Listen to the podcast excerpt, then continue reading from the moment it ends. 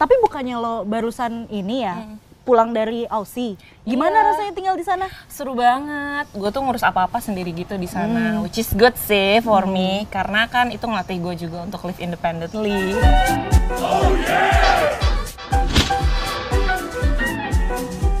Itulah sepenggal gaya percakapan yang sering kita dengar belakangan ini.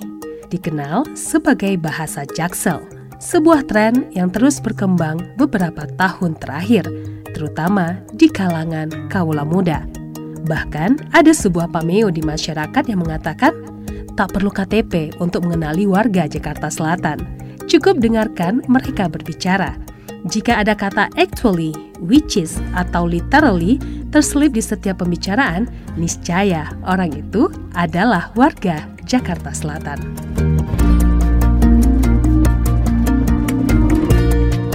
Dalam penggunaan bahasa Jaksel, tidak ada aturan baku kapan harus mencampurkan bahasa atau berapa banyak kata berbahasa Inggris yang mesti digunakan. Semua terserah penuturnya. Namun, apakah kebiasaan mencampur bahasa hanya milik warga Jaksel atau karena wilayah Jakarta Selatan identik dengan kelas ekonomi menengah atas yang mana dianggap sah-sah saja jika dikaitkan dalam penggunaan bilingual?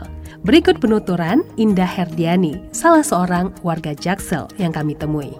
Kalau ditanya soal bahasa Jaksel, sebenarnya menurut saya sih ya yang dari kecil dan juga melewati masa-masa pergaulan itu di Jakarta Selatan, menurut saya bahasa Jaksel tuh nggak ada sih, karena yang selama ini bertebaran di sosial media anak Jakarta Selatan itu ngomongnya dicampur-campur bahasa Inggris atau ada term-term khusus yang jadi labelnya anak Jakarta Selatan. Itu menurut saya sih sebenarnya nggak segitunya juga ya karena itu nggak disengaja. Yang orang-orang bilang bahasanya jaksel kayak gitu itu sebenarnya buat orang-orang yang di jaksel tuh refleks aja. Nggak ada niatan tertentu apakah pengen disebut keren biar dibilang pinter atau mungkin pingin terlihat intelek. Sebenarnya enggak juga. Refleks aja dan saya rasa sepertinya di daerah lain juga banyak deh yang kayak gitu apalagi buat yang biasa bergaul dengan orang yang mungkin bukan bahasa utamanya tuh bukan bahasa Indonesia. Pasti jadinya kayak gitu ada kode switching kalau ngomong. Nah jadi kayaknya nggak itu sebenarnya nggak identik dengan Jakarta Selatan aja sih. Di daerah lain pasti ada yang kayak gitu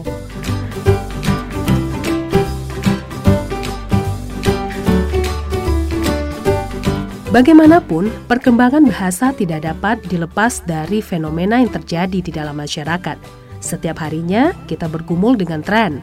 Banyak film, lagu, dan buku dari berbagai macam latar budaya yang diserap. Dan kita bersosialisasi dengan orang-orang yang berbeda, di mana setiap mereka membawa referensi yang berbeda pula. Pastinya kalau dari segi tata bahasa dia nggak baik ya kalau digunakan dalam situasi yang formal. Tapi kalau untuk menggunakan bahasa ya yang disebut sebagai bahasa Jakarta Selatan ini di dalam pergaulan atau juga lingkungan nongkrong atau sama teman yang seusia dan situasinya juga non formal menurut saya sih sah-sah aja. Lalu untuk apa yang harus diperhatikan dalam mengucapkan bahasa Jaksel? Gak ada. Karena bahasa Jaksel itu yang disebut orang-orang sebagai bahasa Jaksel itu refleks aja.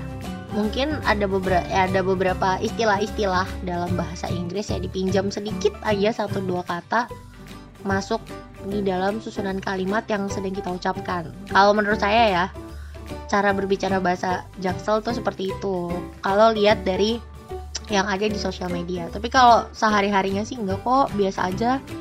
Kita nggak ada yang khusus dan juga nggak ada aturan khusus dalam menuturkan sesuatu.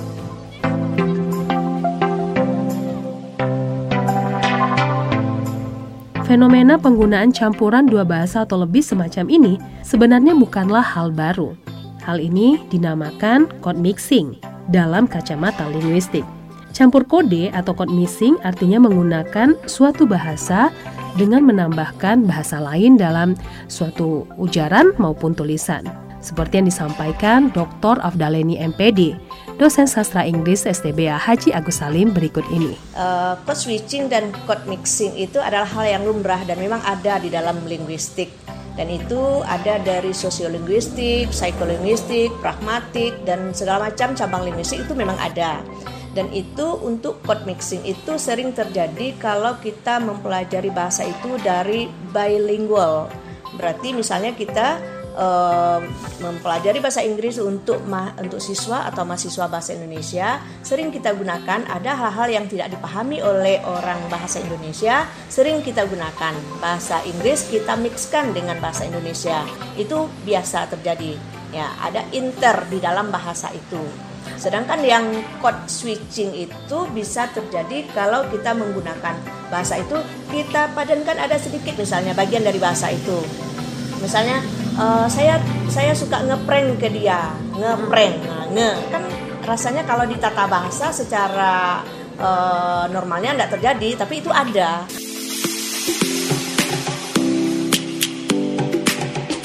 Lantas sebenarnya bagaimana fungsi code mixing dalam ilmu komunikasi? Tujuan utamanya adalah agar komunikatif. Kita bicara tentang uh, uh, mengganggu atau tidak, kita kan punya bahasa baku.